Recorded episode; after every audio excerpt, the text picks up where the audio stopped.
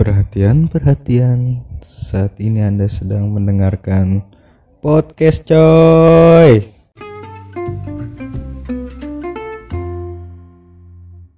Yoi coy, balik lagi bareng gue Zian Firdaus tentunya masih di podcast coy. Kali ini gue masih bersama Ayunda. Hai guys. Tapi gue nggak berdua doang nih sama Ayunda nih. Gue kali ini ngedatengin apa ya disebutnya? eh konsultan kali ya teh ya. Apa ya? Konseling, konseling. Oh, konseling boleh Konseling ya. Perkenalkan ada Teh Linda. Ya, hai guys. Linda. Pastinya Jan udah tahu gua dari lama lah. Teh apa kabar Teh? Udah lama Baik banget ya. dong. Ya, udah lama banget kita nggak ketemu. Terakhir ketemu tuh kapan ya Jan ya? Kapan ya? Kelulusan ya? Kapan sih? Kapan? Nikahan gua kali ya? Oh iya. Nikahan, gua. lu. Kan lu datang malam-malam itu kan? Iya, gua kan datang dari malam. Orang-orang datang dari pagi kan. Iya, lu datang malam-malam ya kan? Gua datang malam-malam sebelum lusa juga gua udah datang Teh. Iya, karena lu nyiapin Gua yang gede. ngedekor gua kan. Tapi Serius, lu? makasih banget loh itu bener. Hmm, serius serius gue yang ngedekor dia kan Wow. jadi bikin backdrop foto Ah, gitu kan itu gue yang ngedekor sama teman-teman lah Ya itu jam berapa tuh ngontek gue ya? Setengah dua belas. setengah dua belas Bener bener bener. datang minta gambar gitu Ih, lucu. Iya lucu. Gambarnya juga lu yang gambar. ya? bukan si Erdin Oh kirain lu. kan gue bantu-bantu doang gue nebelin garis kan Tapi pembahasan kita bukan, Bukan itu, itu ya. dong, ya, bukan itu dong. Bukan nikahan gue ya. bukan Aduh. dong kan itu sebabnya gue bawa Ayunda ini ke Ya, lu teh oke. gitu kan lu ada sedikit background tentang apa ya konseling lah gitu dan Ah. Ayunda ini ngalamin uh, traumatik kayak yang di episode sebelumnya lah gitu dia dapat kekerasan secara verbal dan secara fisiknya pun gitu Hmm. menurut lu gimana teh bisa terjadinya kekerasan itu tuh dari faktor apa sih teh pertama yang gue mau tanya sama lu Dari sisi mana dulu nih? Kalau seumpamanya dapat itu dari sisi yang memang dari cowoknya apa dari Yundanya nih? yang dapetinnya lu ya Yun? lu sebagai Iya. korbannya di situ ya gue sebagai korban.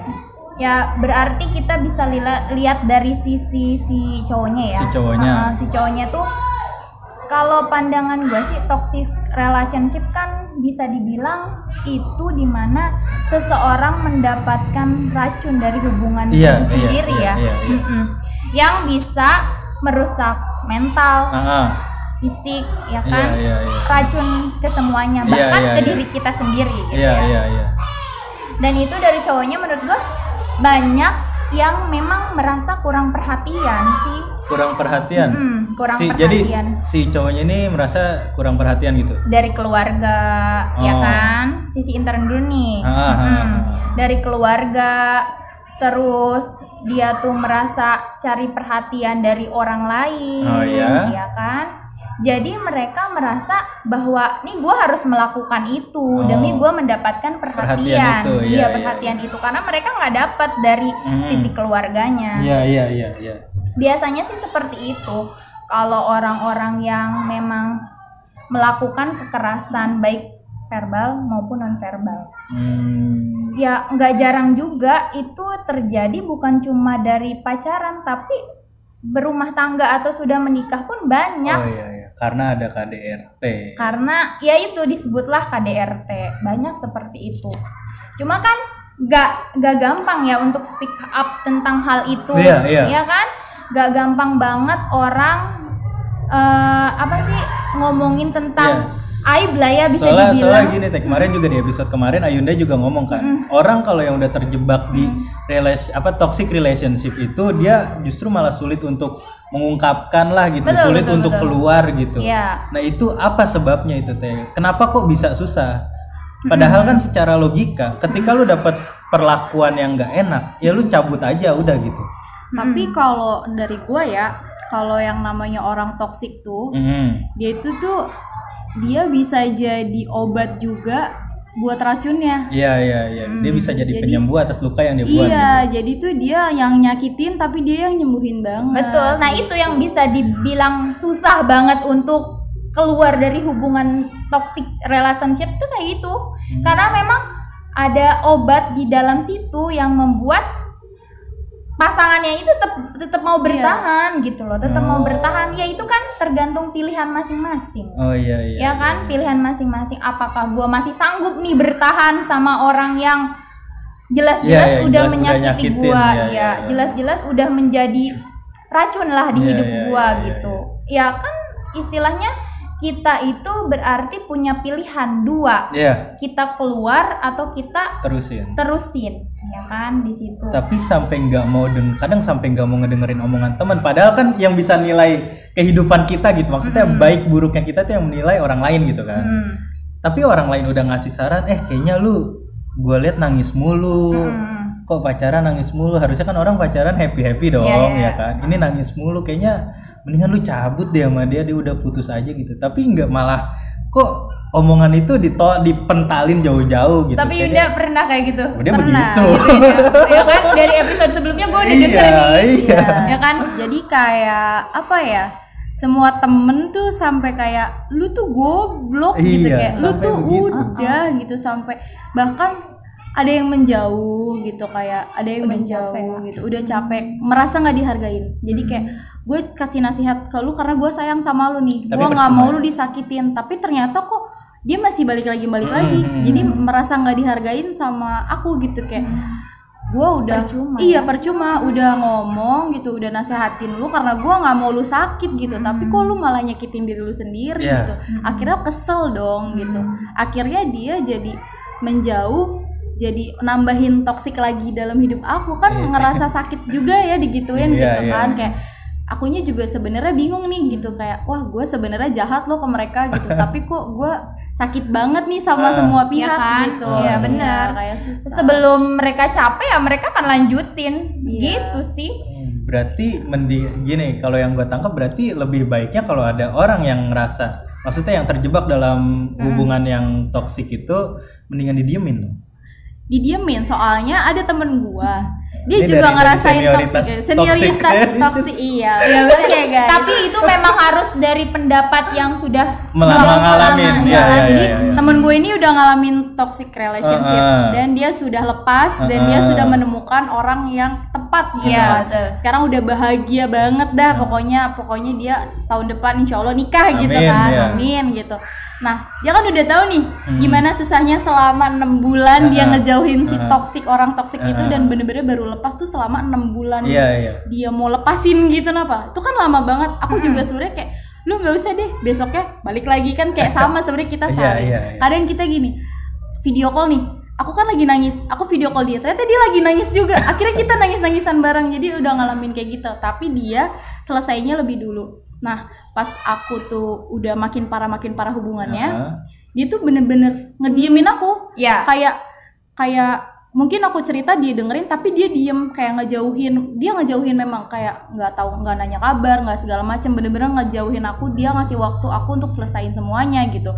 Nah setelah aku udah bener-bener kejadian yang kemarin banget Ya. aku bilang sama dia eh gua putus nih gitu. Terus kata dia hah serius? Nggak balas lagi tuh dia nunggu sampai satu minggu. Mm-mm. setelah satu minggu dia chat lagi. Masih putus. Iya. Ya udah berarti lo udah bener putus berarti lo temen gue. Gitu. Iya kan? Jadi pas aku bilang putus dia tuh kayak ngediemin aku dulu sampai Ah. satu minggu lebih. Pasti. jadi dia mastiin kalau misalnya lu bilang putus sekarang kalau gue iyain nanti lu lusa Balik udah balik lagi, lagi, gitu iya. kan makanya dia diemin sampai satu minggu. Pas satu minggu dia nanya lagi lu serius mas- masih putus gitu kan ya kan berarti Iya, udah putus. bener-bener putus. Oh berarti udah Memastikan. beneran putus kalau udah satu dulu. minggu Iya, lebih iya, udah iya. nggak mungkin kata dia gitu karena dia juga begitu kayak gitu. Nah dari sisi apa ya pelaku mungkin ya Pelaku, pelaku ya. pelaku toxic relationship lah dari sisi yang orang yang udah ngalamin berarti Tapi korban mendingan- berarti ini ya. Iya, eh yang nggak bisa dibilang korban juga Nggak bisa ya. Gitu. Soalnya dua-duanya sama atas Sama-sama dasar kemauan toxic, gitu. ya. Iya, kalau iya, kalau dia sih. kalau dia Hmm. jatuhnya sebagai korban, pertama kali dia dapat perilaku yang gak enak dia harusnya udah cabut. Udah cabut. gitu. Hmm. Nah itu korban, tapi kan ini dia memilih untuk stay gitu. Korban Iya. yang berlarut-larut. Lebih tepatnya sih korban yang berlarut-larut tapi bukan juga pelaku karena kan kita tidak melakukan hal yang sama Iya, ya iya, tidak iya. melakukan Iya, hal orang-orang yang, yang, sama. udah pernah ngalamin lah, mengalami mengalami hal seperti hal itu seperti itu katanya, Mm-mm. jadi lebih baik didiemin gitu. jadi kan memang Tapi- harus dikasih waktu sih Iya, iya. Mm-mm. Tapi secara sudut pandangnya konseling gimana? Menurut Mm-mm. lu lah gitu. Mm-mm. Apa Apa yang akan gue lakukan Iya, gitu iya, ya? iya. Apakah Ketika- butuh Mm-mm. butuh apa saran dari orang-orang nih butuh juga atau gimana? Atau sebaiknya didengerin atau gimana?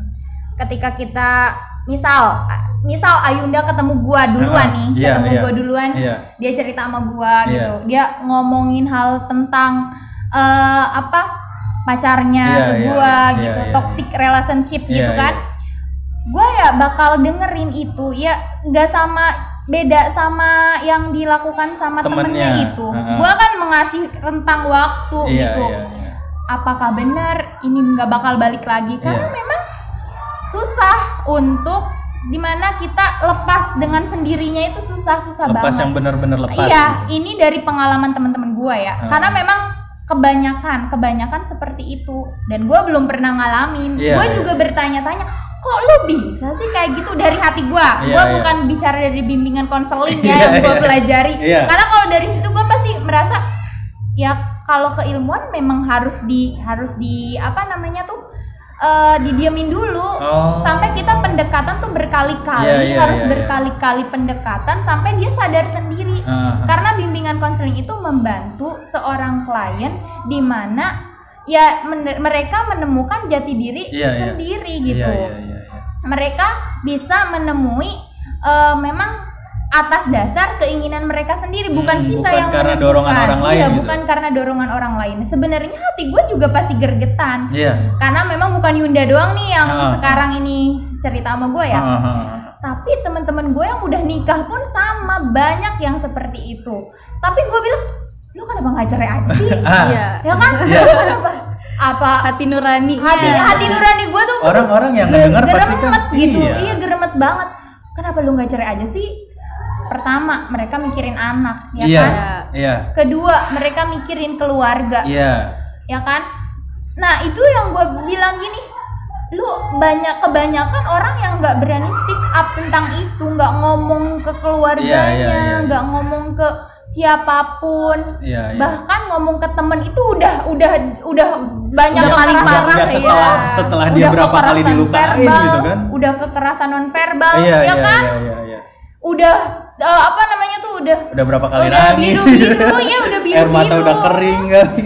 tapi gue bilang gini sama diri gue sendiri gue bisa nggak jadi dia kalau Iya. "Uh-uh." Setuju tapi memang kayaknya tuh gue nggak akan pernah bisa jadi dia gitu Ah. karena itu ngerusak mental banget sih Ah. menurut gue karena gue belum pernah ya jadi menurut gue itu tuh kalau gue ya udah gue nggak mau gitu nggak mau bener-bener nggak mau denger ceritanya Yunda aku Iya. udah udah gimana sih udah kayak ngeri Ngeri. gitu Iya, iya, dengernya iya, iya, iya Jadi dan memang beda gitu kayak temen yang udah pernah ngalamin sama yang belum Nah. pernah ngalamin eh, ke akunya juga beda gitu Betul. cara penanganannya. Iya, iya, iya, iya, Kalau iya. kalau yang tadi kan aku cerita temen aku yang udah pernah ngalamin. Iya. Dan Jadi dia, dia sudah selesai lah gitu. juga. Ah. Nah, kalau yang belum pernah ngalamin itu memang lebih kasar sih. betul Iya, kayak lu ngapain sih? jadi Ah, gua- kayak apa ya kalau lu nggak jauhin dia, Benar. lu nggak usah temenan sama Iya. gue. jadi lu kayak dihakimi tau nggak Iya, Iya, benar, lu kayak dihakimi lu ngerti nggak sih posisi gua gitu Iya, lu iya. ngerti nggak sih posisi gua tuh sulit posisi gua tuh nggak bisa kayak lu sepele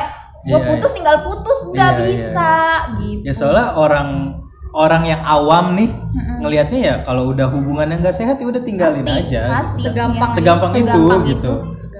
Kayak kayak malah kalau lu yang dibilangin malah nggak bisa, ah udahlah gue capek bilangin lu malah kan nah iya bener Ya kayak nggak dihargain Iya omongannya percuma sama percuma kita. juga gue ngasih saran jadi gitu kan. gua ngapain curhat ya Iya. iya gua ngapain curhat ya udah Iya. udah tahu sih Ntar misalnya si, si si Ayunda datang nih, dah saya ah lu pasti mau cerita itu lagi capek gue udah yang lain lah gitu kayak males makin males ngedengerin karena sarannya nih nggak dipakai Iya. karena yang toksik ini Bebel gitu iya saya Bebel. bebel capek tapi eh, kita bisa bilang ya kalau hubungan seperti itu ya memang harus dihindari apalagi Iya, dihindari ap- sebelumnya ah, ya. sebelumnya ya kan jadi mendengar cerita-cerita teman-teman gue yang sudah menikah ini kenapa Ah. terlambat saya gue kan ngomong kenapa terlambat kenapa memang tidak ada pengenalan dari Hmm. awalnya memang tidak ada eh, apa eh, dari awal gitu dia iya tuh iya iya, pas menunjukkan Ah. menunjukkan Jati ciri-ciri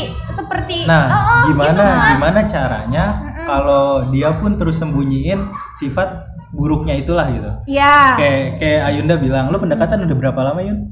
gue temenan tuh dua tahun Dua tahun dia temenan. Hmm. Ya kan Dua tahun itu waktu yang lama loh teh. tapi kan kalau temen ke pacar beda, dong Iya. kalau as a friend kita kan baik gitu Iya, kan iya, baik iya. memperlaku dia memang memperlakukan teman tuh memang baik banget Iya iya iya. tapi kalau ke pasangan ya memang separah Iya. itu Ya karena karena adanya rasa memilikinya itu kan. memiliki ya Padahal benar baru pacar gitu. Hmm, apalagi sudah menikah Iya. iya tapi ada nggak sih teh ciri-cirinya yang maksudnya biar teman-teman tahu gitu kalau misalnya ini tuh tanda-tanda dia Nah, iya itu kayak kasar ngorek-ngoreknya gimana gitu teh. tanda-tanda. Kalau aku sih pernah baca kalau ada cowok yang dia kalau marah nunjukin tembok atau dia ngebanting barang itu lu jangan bangga. Kayak eh dia marah nih dia nggak nggak mukul gua malah Hmm. mukul tembok. Justru itu kayak red flag gitu. Jadi kayak dia itu sebenarnya terindikasi nanti akan KDRT Betul. kayak gitu Ya, Aku pernah baca kayak hmm, gitu. Bagaimana sih cara? Iya. Ya, bagaimana sih cara mengenali ciri-cirinya? Kebiasaannya dia sih. Ya itu, yang tadi dibilang Yunda refleks gitu kan, dia mukul-mukul tembok, itu akan terjadi. Jadi ketika dia berumah tangga, itu nggak akan mukul tembok. Bisa dipastikan ya, gue bisa dipastikan itu 70% bisa mukul kita atau anak kita Hmm. ya kan? Iya, Karena iya. memang refleks ke tembok itu karena kan dia belum merasa memiliki Iya iya dong. iya iya. iya. Setelah memiliki kita itu akan merasa bahwa Lebih "Eh, ger- enteng, eh, lebih lebih enteng." enteng Iya, gitu. Yang kedua dari verbal ya kan, dari kata-kata kasar, Iya. dari dia udah ngomong udah udah anjing loh, Iya, maaf iya, ya iya, ini iya. udah Nggak apa-apa ngomong santai lah. ngomong kunyuk loh Iya, iya, misalkan iya, ya. iya, iya, iya. Jadi dari situ aja kita bisa menilai. Tapi nggak semua laki-laki yang menunjukkan di awal itu Nah, Kunyuk loh, itu itu anjing itu dia teh. refleks gini yang gitu. yang namanya pendekatan itu kan pasti yang ditunjukin Yap. manisnya kan. Yap, betul. Nah, gimana kita cara biar sulit tahu? ya, sulit ya. Apa memang kita ya. harus pancing biar marah dulu? Mm-mm. Atau gimana nih gitu. Ya kan? Ya. cari ribut dulu cari ribut dulu apa gimana nih supaya Iya. gue tahu nih jati iya, diri ini orang kayak kasar apa gimana. enggak nih? Gitu. Dari sudut pandang gue yang sudah iya. menikah ya. Iya, iya, iya.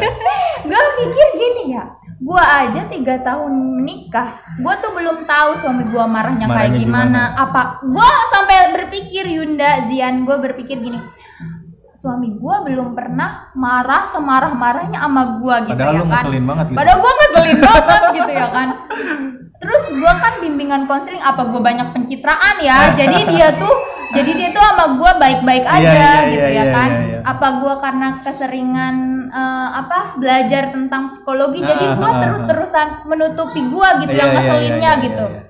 Di situ gue mikir apakah akan terus seperti ini Ah, ah, ah, gitu suami gue ketika marah dia akan biasa aja Iya, gitu iya, iya. ternyata memang ada dua kemungkinan sih Jan di mana kita memang tidak ngeselin Ah. ya kan tidak bersikap bersikap nyebelin Iya, iya, nah, iya, ke iya. orang itu yang kedua memang emang pembawaannya memang seperti itu Emang orangnya gitu. seperti emang itu. orangnya baik Orangnya baik. emang Sesantai orangnya itu. baik sesantai itu Iya, iya, gitu. iya. di situ kan kita nggak bisa ya siapa sih yang bisa mendalami hati orang Nah, iya. psikolog yang Setuju. hebat, psikiater yang terkenal, misalkan bimbingan konseling yang bagus, istilahnya nggak bisa yang namanya mendalami hati seseorang. Tapi kalau yang suka ngeramal-ramal garis tangan gitu teh, Nah, ah nih, wah kamu orangnya emosian nih. tapi lu percaya nggak sih? Tapi lu percaya, percaya, percaya nggak? Percaya nggak sih? Percaya nggak Yun? Belum. Jadi gini, percaya.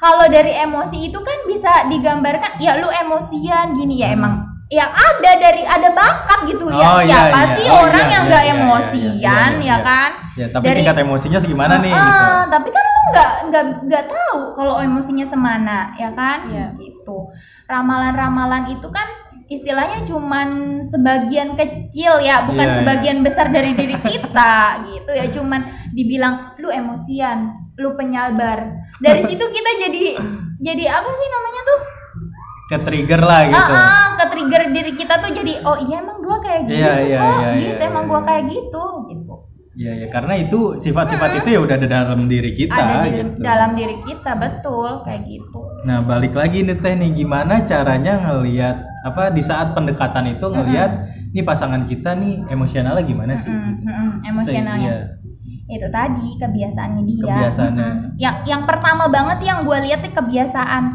Kebiasaan cara dia berkata-kata terus lingkungannya lingkungannya dia baik atau buruk kita kan bisa ngeliat. Tapi yang kemarin gimana?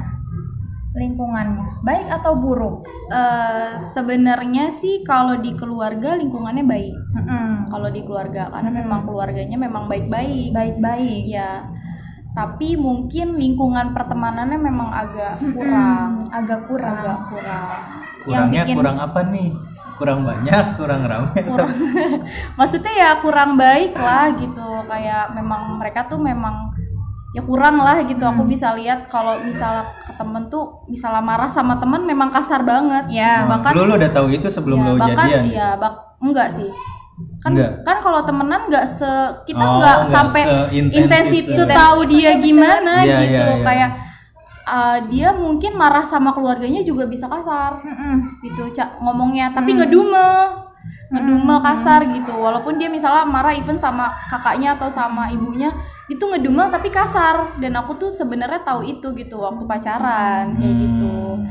Nah itu maksudnya itu sebenarnya jadi pertimbangan juga. Tapi kan Iya. nggak langsung bisa oh dia gini nih kasar nih kalau marah sama orang tuanya. nggak bisa udah deh putus. itu, gitu. iya kan nggak mungkin kan eh gue putus deh soalnya lu kasar kalau marah sama orang tua lu. Kan nggak nggak gitu gitu Nggak kan. gitu emang, kayak gitu. susah gitu kayak emang banyak yang nyalahin aku kayak masa sih lo nunggu dikasarin fisik dulu baru putus gitu? Iya.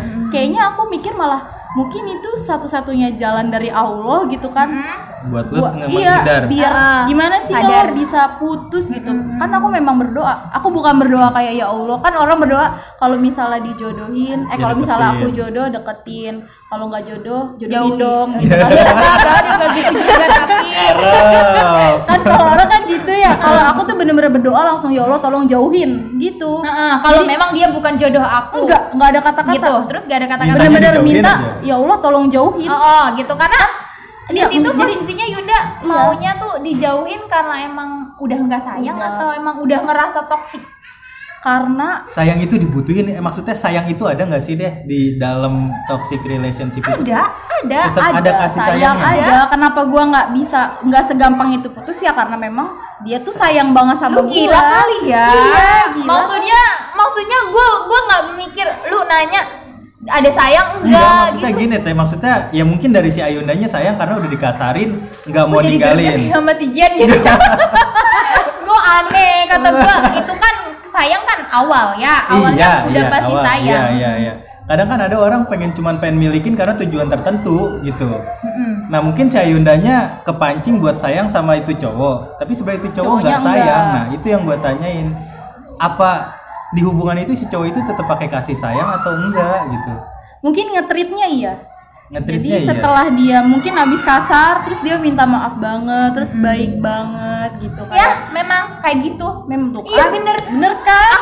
G- gu- gimana sih? Gue tuh kayak semacam dejavu ya. Kayak apa yang temen gue sampein gitu. Itu tuh Yunda tuh disampein lagi sekarang gitu. Jadi dia tuh kalau udah minta maaf jadi udah minta maaf ya udah minta maaf banget. Iya. baik baik banget iya gitu. memang baik baik sayang sayang Iya. banget. Kayak sayang sayang banget pas lagi sayang sayangnya jadi sayang banget gitu dan gue tuh tahu ini dia gitu pas lagi sayang gue jadi ngerti ini dia Iya. jadi kita tuh kayak Dibulak-balik kamuflase aja gitu ya. Emang manipulatif ya. Manipulatif. Tapi sebenarnya orang aslinya tuh yang mana sih teh? Yang baik itu atau yang jahat itu kan memang dia dua orang yang berbeda ya. Iya. Beneran loh. Iya, Kalau iya. misalnya Dua baik, karakter yang beda. iya kayak gue sampai gini. Lu ini kepribadian ganda apa gimana Nah, sih? iya. Gitu. Sampai lu bipolar ya sampai gue kata-katain gitu. Gara-gara gue tuh bingung kayak lu tuh baik banget tapi kalau marah gitu kayak jadi orang yang berbeda Iya. kayak gue ngelihat muka dia nih kalau marah sama ngelihat muka dia kalau baik itu tuh kayak Beda. ngelihat orang lain Lah, gitu iya benar. ngedenger suara dia kalau marah sama baik itu tuh ngedenger suara dua orang gitu kayak Ah. gue tuh nggak tahu apa lu ini punya penyakit mental juga Iya, iya, iya. gitu iya sih udah jelas itu kan maksudnya kayak Oh penyakit itu kayak gitu penyakit ya? dia Iya juga betul penyakit. penyakit. penyakit yang memang ditimbulkan ya istilahnya dari masa lampau bisa. Berarti ya. dendam pribadi dong.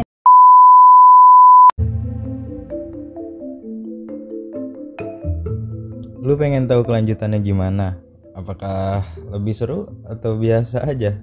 Gua rasa lebih seru sih. Gua jamin lebih seru di part 2 ini. Nantikan part 2 nya cuma di podcast coy